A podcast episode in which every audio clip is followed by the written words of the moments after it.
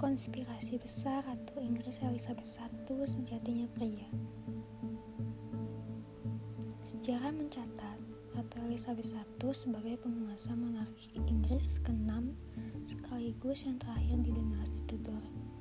Ia lahir di Greenwich 7 September 1533 dan meninggal di Richmond 24 Maret 1603 di usianya, di usianya yang ke-69 tahun. Tulang belulangnya disatukan dengan milik kakak tirinya Mary I atau dikenal dengan Bloody Mary di sebuah makam di Westminster Abbey. Kini tanda tanya besar merembab. Benarkah tulang itu peninggalan ratu yang pemerintah di masa kemasannya selama 45 tahun atau bukti dari konspirasi terbesar dalam sejarah Inggris? Jika terbukti itu bukan rangka Ratu Elizabeth I, bisa jadi sejarah panjang Inggris selama 4 abad didasarkan atas sebuah kebohongan besar. Apa sesungguhnya yang terjadi? Adalah sebuah buku kontroversial yang baru diterbitkan, The King Deception, karya penulis Amerika Serikat Steve Berry yang kembali mengangkat kisah dan desas-desus sejatinya sudah lama berembus. Kisah kebohongan itu terjadi di suatu pagi di musim gugur 470 tahun lalu. Saat kemerdekaan melanda, sekelompok orang di sebuah istana kecil di desa Cotswold, Bisley, Raja Inggris itu, saat itu Henry, bisa tiba kapan pun. Ia sedang melakukan perjalanan jauh di London yang hampir tidak nyaman bagi penguasa 52 tahun yang kegemukan dan tidak bisa jalan akibat luka bernanah demi menemui putrinya Elizabeth. Sang putri kecil sengaja dikirim ke pedesaan agar tidak kena wabah merebak di ibu kota. Tapi ia malah jatuh sakit demam tinggi dan pendarahan. Setelah beberapa minggu sakit hingga muntah darah, tubuhnya terlalu lemah untuk bertahan. Malam sebelum raja tiba, putri tercinta hasil pernikahan dengan Anne Boleyn. Sekarang, Pagi harinya Elizabeth meninggal. Panik tak terelakkan mengasuh Elizabeth, Lady Kate Ashley punya alasan untuk takut mengatakan pada raja tentang berita duka cita ini. Bisa-bisa nyawa mereka melayang sisa dengan bengis.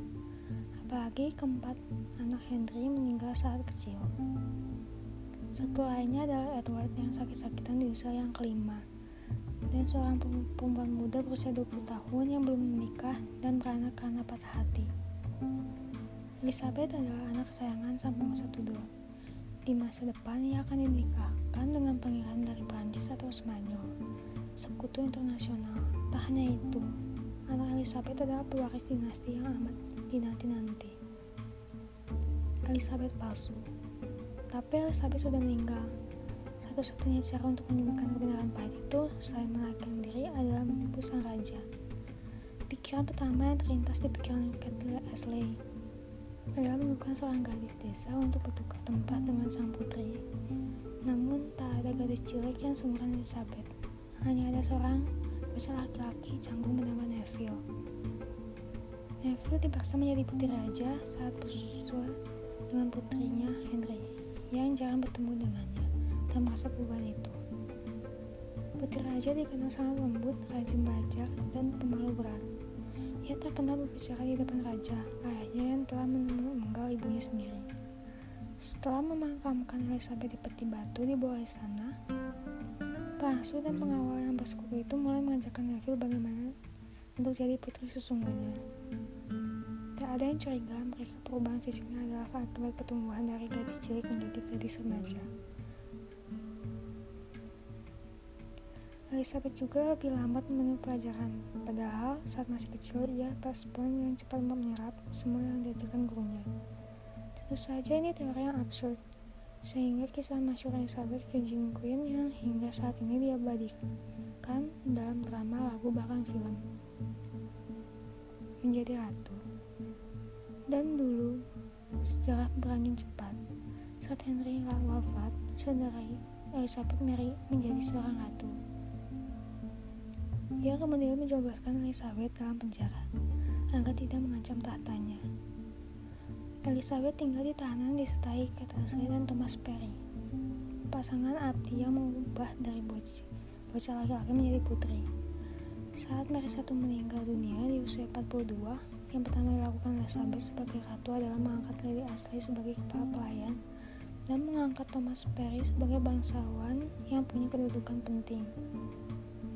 Penulis buku Steve Berry yakin pada suatu hari Elizabeth buka rahasianya pada kepala rumah tangga istana yang baru dalam Cecil yang punya reputasi berkembang cenayang. Ia ingin meyakinkan Cecil rencana menikahkannya dengan pangeran dari negeri lain akan membawa kehancuran bersama. Ini bukan bukan kali pertamanya cerita itu ditulis dalam sebuah buku kisah tentang anak lelaki dari Bisley pertama diangkat dalam sebuah buku karya pengarang Dracula. Stoker mendengar cerita turun-temurun dengan peti mati ditemukan oleh pendeta di Bisley selama awal tahun 1800-an. Berisi kerangka seorang gadis menggunakan hiasan alat tuduh, bahkan pembataan yang jari ke gaunnya.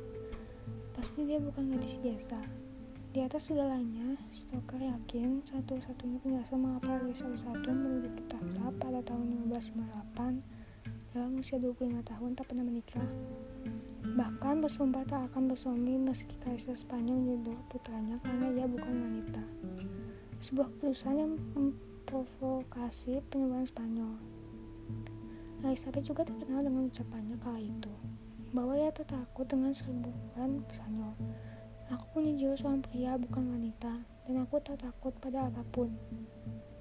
Petunjuk aneh. Penulis buku Steve Berry mengangkat kembali cerita ini dan dukungannya ke katedral Ely di Cambridge hingga tahun lalu. Saat ia mendengar tentang sebuah rahasia hebat yang ternyata didukung banyak referensi, keyakinannya bertambah saat melihat lukisan karya pelukis istana William Scott yang memotret Isabel saat masih gadis cilik. Bahunya ramping, leher halus, dan wajah bentuk hati dengan rambut warna jahe, juga alis. Dibandingkan dengan lukisannya setelah dilewatkan, bahunya lebar dan lehernya bersembunyikan dalam kerat tinggi. Ia memakai wig alisnya gundul, rahang tegas dan bentuk persegi. Ratu Elizabeth I selalu tampil dengan wig dan riasan tebal, tak menginginkan seorang pun melihat dalam kondisi polos. Karena dalam diri Elizabeth sebenarnya sudah terendus oleh para anggota keluarga tidur ratusan tahun lalu. Meyakini sang ratu menyimpan rahasia besar. Lantas bagaimana meyakinkan bahwa informasi itu bukan sekedar rumor?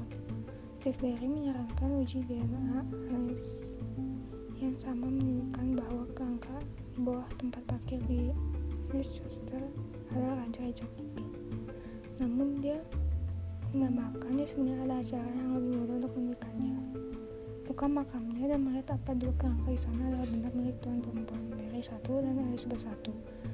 Ataukah ada tuan berulang pria di sana? Kuburan Eli satu tidak pernah dibuka. Ini saatnya menguak dan meriksa apa yang sebenarnya ada di sana.